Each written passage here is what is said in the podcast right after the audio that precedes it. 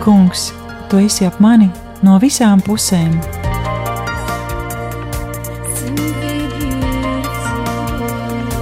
Neredzamā dieva attēls, raidījums par atgriešanos, piedošanu, dziedināšanu un kalpošanu.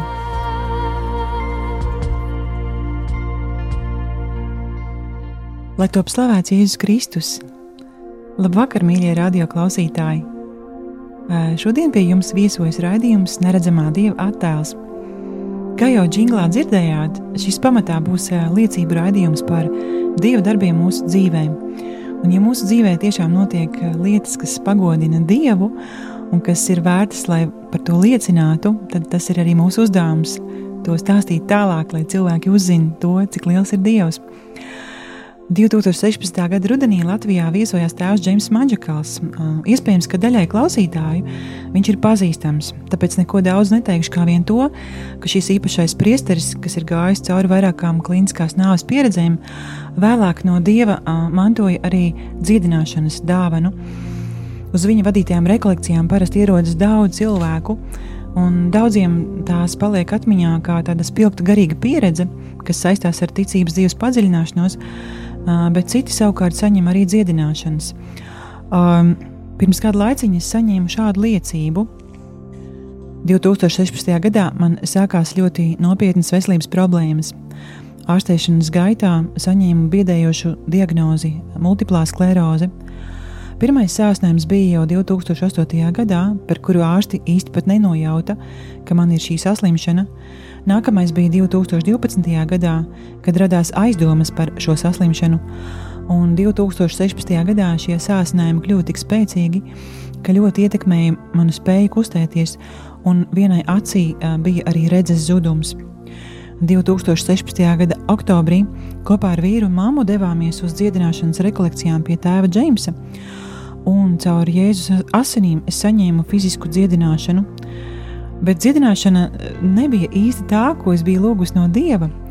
Dažas rētas manī tika dziedinātas, perēkļi no mugurkaula bija izzuduši, un es atguvu redzi, un arī tiku atbrīvota no brīļu nēsāšanas, kuras man bija nepieciešamas pāris gadus. Es tiku dziedināta no saslimšanas, kas jau 14 gadus neļāva mums ar vīru ieņemt bērniņu. Es esmu dziedināta no policistisko ulnīcu sindroma, kā arī viens no īpašākajiem manas dzīves notikumiem mūsu dzīvē ir noticis. Mēs esam laimīgi vecāki puisītim, kas nāca pasaulē 2018. gadā. Tad šo liecību man ir rakstījusi Marina. Marina Rašķina. Viņa šodien ir mūsu viesis studijā. Tāpēc es teikšu, labvakar, Marina! Labvakar! Un Marina, ap citu, ir arī ne tikai māmiņa, bet viņa ir arī kā jaunais kalpotājs Radio Marija Latvija. Un laika pa laikam jūs visticamāk viņu dzirdēsiet arī radio ēterā rožkroņa lūgšanā. Lūk, um, varbūt tās, ka tu vari tā īsumā ieskicēt, kāds vispār bija tavs ticības um, ceļš, kā tu nonāci pie Dieva. Ticības ceļš. Manos senčos uh, ir noteikti kāds vai kādi, kas ir dziļi ticējuši dievam. Jo piedzimis ģimenē, kas kristīja mani katoļticībā, dzīve ļoti agri paņēti. Tas bija liels pārdzīvojums ar dziļām sekām arī manā tālākajā dzīvē. Bērnība un neliels mirklis pusauģu gadu pavadīti cieši ar Baltiņavas baznīcu, un tā laika priesteris Svilāns bija cilvēks, kas parādīja pirmos soļus. Un viens no tiem būtiskākajiem soļiem bija, viņš man parādīja, kas ir labestība. Atminos, ka viņš man uzdāvināja slides. Patiesībā tētis bija gribējis, lai es slidoju. Un arī pēc viņa nāves Dievs visu izkārtoja, lai tā notiktu. Bet, diemžēl, manas sāpes bija tik dziļas, ka tajos gados to neredzēju, nesapratu. Un, kad eh, nonācu studenta lomā, lielajās pilsētās, baznīca pazuda no manas ikdienas gaitām, un bija pat brīdis, kad skaļi teicu, tāda dieva nav. Viņš neko labu manā dzīvē, manā dzīvē nav izdarījis. Tāpat laikā ticība bijusi manī visu laiku, tikai eh, nepiedošanas un dažādas vilšanās neļāva tai nest augļus. Un, uh, patiesībā tā atgriešanās sākās caur šo multiplo sklerozi tāda Dieva. Varbūt tās tu vari mums pastāstīt, kā tu vispār nonāci tajās rekolekcijās. Um... Uh, varētu teikt, tā iekāpu mašīnā un atbraucu, bet nu, gluži nebūs tā. Uh, stāsts ir diezgan pagaršs, jo tajā pašā 2016. gadā, uh, kā jau minēju, liecībā sācinājumi kļuva diezgan jaudīgi. Un, uh, man bija tāds sācinājums, ka man nobloķēja ķermeņa augšējo daļu un īsti rokas es nevarēju kustināt. Uh, tas nebija pirmais sācinājums, tad 2016. bija vēl iepriekš vēl viens. Bet tas bija tas brīdis, kad es sapratu, ka man ir dots iespējams ļoti maz laika normālā stāvoklī. Un, uh, man bija jautājums sev, ko tad es īsti gribu darīt. Un tā kā es bērnību un jaunību un sākotnējos savus studiju gadus un biju, biju saistījusi ar mūziku ļoti, es sapratu, ka es ļoti gribu dziedāt. Un, uh, es izdomāju, ka kur, kur gan būs tā vieta, kur es varētu sevi pielietot, tā bija baznīca.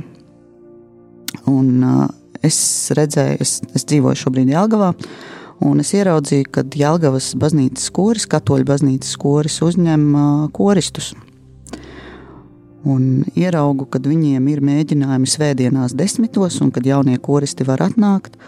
Un es tagad uh, vienā svētdienā saprotu, ka es nākšu viss. Es tagad tais desmitos esmu kora telpās.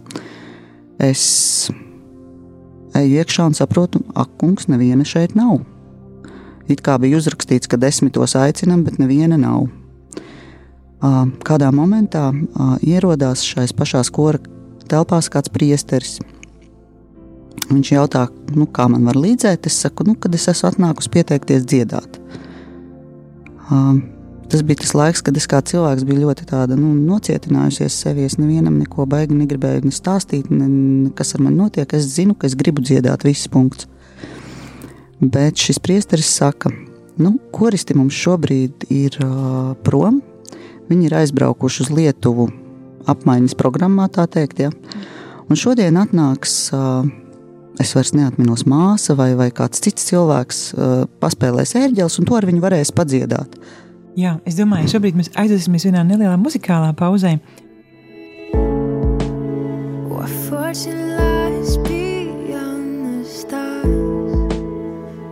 Dazzling heights too fast to climb. I got so hard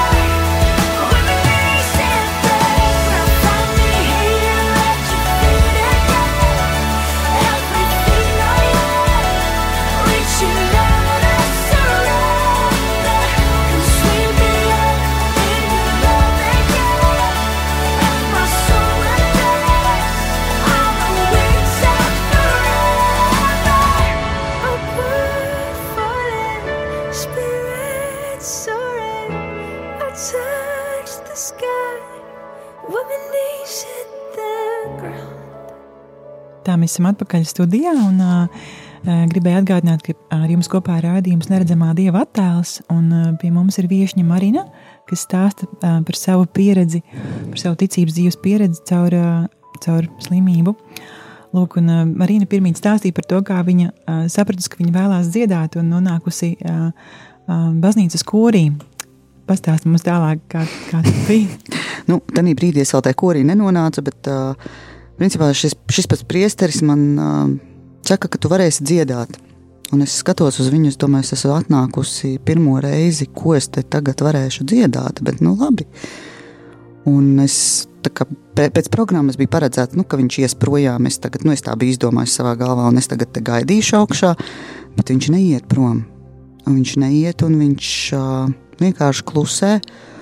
Un man tajā brīdī vārdi paši sāka nākt no manis ārā, un es viņam sāku stāstīt, kas ar mani notiek. Es pat īsti nesapratu, kas tajā brīdī notika, bet es viņam izstāstīju savu sāpju. Viņš mani uzklausīja.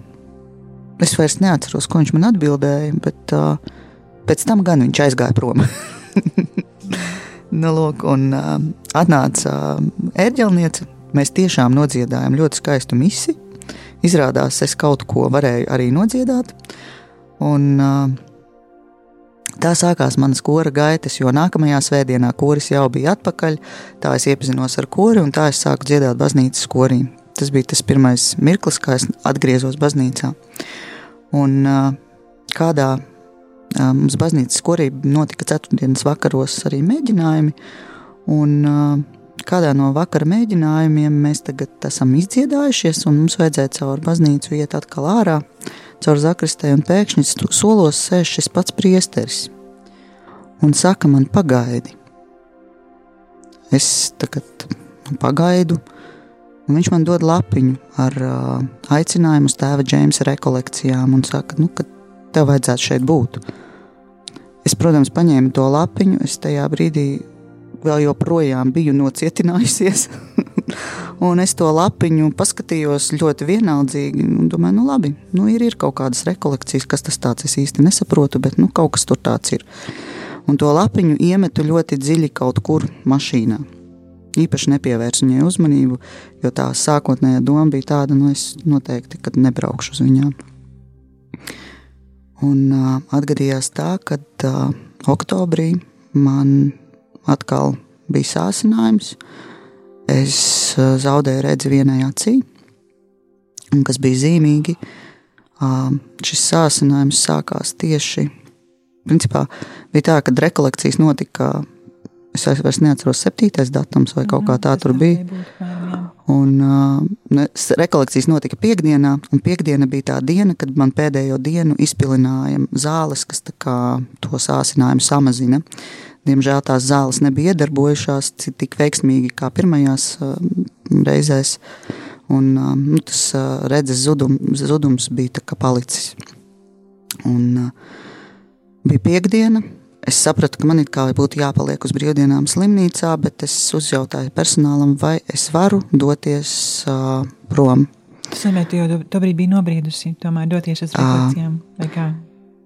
Es tajā piekdienā sapratu, nē, es aizbraukšu. Mm -hmm. Jo patiesībā bija tā, ka es vēl saņēmu aicinājumus uz šīm rekolekcijām ah. no cilvēkiem, kas nezināja, kas ar mani notiek. No viņš, pusēm, viņš no vairākām pusēm klauvēja. Un, uh, Es um, vēl tā, tā, tā sācinājuma laikā biju diezgan saspīlēts attiecības arī ar vīru. Un, uh, principā es tajā brīdī biju palikusi absolūti viena, un es sapratu, jā, es braukšu. Un, uh, uh, nu, nav tā, ka mēs nekomunicējām, bet nu, es, es jutos viena. Un, aiz, aizdodoties piekdienā pēc slimnīcas uz šo rekolekciju, kā sākuma posmu, Es rekolekcijās satiku vīru un savu māmu, kas priekš manis bija tāds liels pārsteigums, bet es biju laimīga, ka viņi tur ir. Slavu Kristum! Pateicība Dievam! Un, jā, un tā mēs trīs dienas pavadījām šai rekolekciju mājā, ne, bet uh, skolā. Jā. Un, uh, jā, un es uh, rekolekciju laikā saņēma fizisku dziedināšanu no, no, no policistisko olnīcu sindroma. To, to tev arī pēc tam konstatēja? Tas pats notika pats par sevi. Man sākās uh. Pēkšņi visi procesi, kas manā ķermenī bija apstājušies uz vairākiem gadiem, principā no maniem 17, 18 gadiem, man nefunkcionēja viss kā vajag. Uh, mans ķermenis pārveidojās no slaidas meitenes par ļoti dušīgu cilvēku. Un, uh, attiecīgi, vēl visādas citādas izrietošas sekas, veselības, visādas lietas. Un, uh, jā, nu, plusā vēl autoimūna saslimšana. nu, tāda, tāda, jā, tāda buķete. Nu, lūk. Liels, cik viņš ir liels. Jā, tā ir. Kā tev dzīve pēc tam izveidojās tālāk pēc šīm rekolekcijām? tālāk. Interesanti, savādāk. Viss notiek absolūti savādāk. Patiesībā laikam jau vairāk ir tā, ka notiek tā kā parasti, bet mēs šo visu dzīvi uztveram savādāk, redzam savādāk. Jo līdz šīm rekolekcijām man uz, acīs, uz acīm bija tādas kā klapes. Jo man nāca klāt priesteris, teica, nu, tev vajadzētu aizbraukt. Es par to nu, pavīpsnāju, pasmīkņāju man likās, tas, ko es reāli redzu, tas arī ir. Es šobrīd tā dzīve ir izvērtusies, kad es saprotu, ka ir kaut kas lielāks par mums, un ir lielāka paļāvība un uzticēšanās dievam no tādiem reāliem piemēriem 2016. gadā mēs ar vīru salauzāmies baznīcā, lai gan mēs bijām jau precējušies un viss, un viss forši. Tas nozīmē, bet, ka pāris mēnešus pēc šīm rekolekcijām mums nu bija laulība. Decembrī. Jā. Skaisti. jā, decembrī mēs pieņēmām lēmumu, ka mēs salauzāsimies. Sākām darboties alfas kursā, iesaistīties baznīcas kaut kādā dzīvē kopā. Patiesībā ir tāda sajūta, ka dzīve ieņem pareizo kursu, lai gan kur mūsu kuģis aizvedīs, vien dievs ir, dievam ir zināms. No mums ir atkarīga brīvās gribas izvēle, kas ir svarīgs uzdevums katru dienu.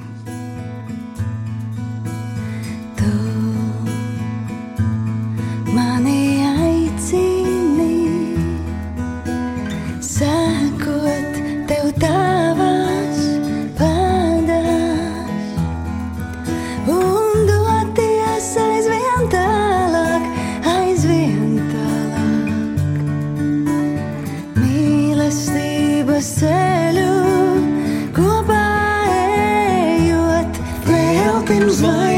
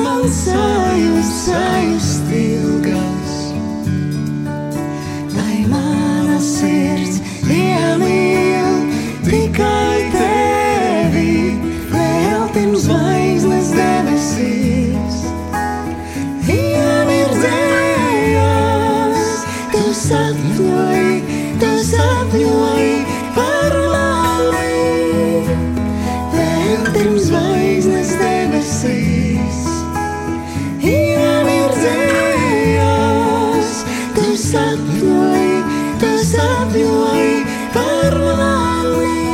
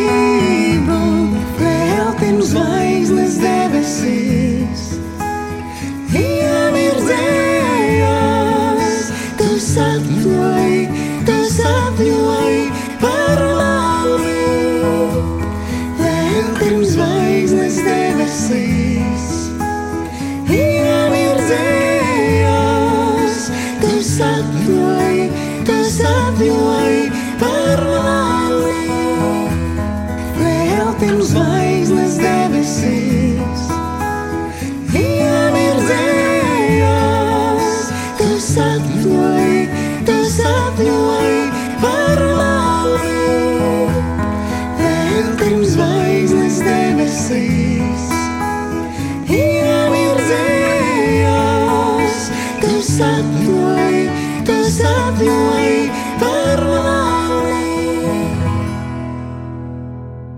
Atgādināšu, jūs klausāties rādījumu Neredzamā dieva attēls, un um, ar mums ir kopā Marina. Uh, Es gribēju pajautāt Marinai, uh, vai tavā dzīvē varbūt ir bijušas arī kaut kādas uh, nu, atkarību problēmas agrāk?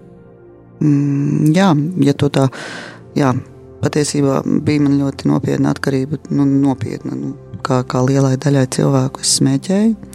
Es smēķēju no saviem 14, 15 gadiem. Un uh, patiesībā paldies multiplai sklerozei, jo, kad man bija 16. gadā pirmais nopietnais sācinājums, uh, es smēķēšanu atmetu kā ar, tas, tas, tas bija kā ar roku noņemts. Un savā ziņā uh, šī slimība dziedināja no atkarībām. jā, kaut kā tā bija. Vai varbūt tu kaut ko vari pastāstīt arī par savu dēliņu? Par savu dēliņu. Tu arī tu atnāc kā pilnīgs brīnums īstenībā. Jā, ā, 2018. gadā mēs sapratām, uzzinājām šo burvīgo vēsti. Un, es varētu stāstīt daudz un aizņemt jums dienas ēteru par viņu, bet ā, galvenā lieta ir tāda, ka tu uz viņu skaties un tu saproti dieva darbus reālajā dzīvē. Un ā, tas ir tas, kam tu nesi bijis gatavs, neesi gaidījis jau vairs, tu jau sam, biji samierinājies, kad, nu, kad nekas nebūs, un te tomēr ir. Tas nozīmē, ka tu biji minējis, laikam, tā kā 14 gadi bija jāgaida, faktiski, jā. Jā, lai, Jā, tas arī bija tā teikt, arī savā ziņā, kā tāds uh, auglis šīm te rekolekcijām, jo tāpēc, ka Jā. tajā tu saņēmi šo dziedināšanu, kura tev rezultātā, var teikt, jūs ģimenei dāvāja bērniņu, vai ne? jā, Slāva Kristum. slāva. Tas ir skaisti. Un varbūt tās tu vari padalīties par savām tādām galvenajām atziņām, kā, kādas tev ir kopš tā laika, kad tu vairāk izjūti šo dievu darbu tavā dzīvē. Jo vairāk ienirsti dieva valstībā, tu saproti, ka dievam nekas nav neiespējams. Un, ja līdz šim šķita, ka es zinu par dzīvi daudz, tad tagad es varu teikt, ka es ne, nenieka nezinu. Un ā, ļoti būtiska loma katra ticīgā cilvēka dzīvē ir svētie raksti. Pirms 2016. gada mēģinot rast veselību, es meklēju dziedinie, dzi- apmeklēju dziedniekus, um, dažādus ņūēču seminārus, lasīju ezotērisku rakstura literatūru. Un um, pēc rekolekcijām, tad, kad es beidzot atvēru Bībeli, es sapratu, ka pirms 2000 gadiem Dievs jau šo informāciju mums bija iedevis. Es negribētu teikt, ka šī informācija tika iedota pa velti, jo cīņa notiek arī šodien, bet uh, pa lielam tam nav vajadzīgi nekādi semināri, nekādas maksas lielas par, par, par ak, man pat grūti pateikt, tas, tas, man, man grūti izteikt vārdos, cik patiesībā svētajos rakstos ir daudz patiesību, un tā, tas, tas ir ceļš, ceļš uz dzīvību. Jā, es citu tā padomā, kādreiz tā aizdomājas, ka, lai atrastu dievu, cilvēkam patiesībā īsti nekas nav vajadzīgs. Viņam pat nav īsti iemesls attaisnoties, jo, jo ir kā, nu, lūgties cilvēks var, priekš tā viņam nav vajadzīga, teiksim, nauda. Labi, varbūt drusku vajadzīgs laiks, bet, bet teiksim, arī, arī lasīt svētos rakstus cilvēks var. Nu, tāpat vien viņam, nu, viņam nevajag priekš tā līdzekļus, teiksim, jā, un tāpat tās arī gavēt cilvēks var, ja viņš ir aicināts uz to. Arī nu, šie visi ceļi, jā, pie Dieva, viņi īstenībā ir, tā teikt, pavēlti. Dievs piedāvā nāk pie viņa cilvēkam tāds, kāds viņš ir, vai ne? Tieši tā. arī saprat, vai ne? Jā. Un tā lieta, ko es biju domājis, nepavēlti daudz upuri par to ir nesti. Un, jā, bet tas tiešām šo, šodien, šodienas cilvēkam, tev, kas klausies šobrīd šo raidījumu, varbūt tieši tev tas ir vajadzīgs. Atceries, ir grāmata Bībele. Sāc ar jauno derību. Kaut kā tā, tas ir tas, ko es varu apliecināt, kas, kas, kas man dzīvi nedaudz ir mainījis. Un, jā, kaut kā tā. Nu, skaisti. Ļoti liels prieks par to, ka tu piekriti atnākt pie mums šeit uz studiju un liecināt. Es ļoti arī ceru, ka tava liecība arī būs kā iedvesma arī citiem cilvēkiem meklēt Dievu vairāk tā dziļāk, un varbūt pat negaidīt, lai notiek kaut kādas lielas traģēdijas dzīvē vai kaut kādas veselības problēmas, bet meklēt jau šobrīd, nu, tieši tur, kur tu esi un tāds, kāds tu esi, sākt jau šodien. Un es gribēju pateikt paldies Dievam arī par Marinu un viņas ģimeni. Man ir bijis tas prieks un iespēja būt arī pie viņas ciemos, un, un tiešām var pateikt ļoti, ļoti gaiši, ļoti skaisti un ļoti viesmīlīgi cilvēki ar daudz mīlestības. Teiksim, liecība tiešām paldies Dievam par, par Marinu un viņas vīru un bērniņu un viņu vecākiem.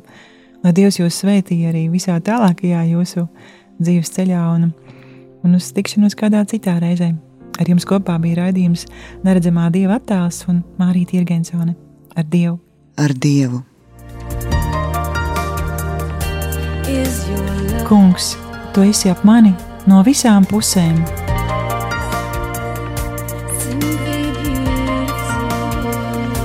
Neredzamā Dieva attēls. Raidījums par atgriešanos, piedošanu, dziedināšanu un kalpošanu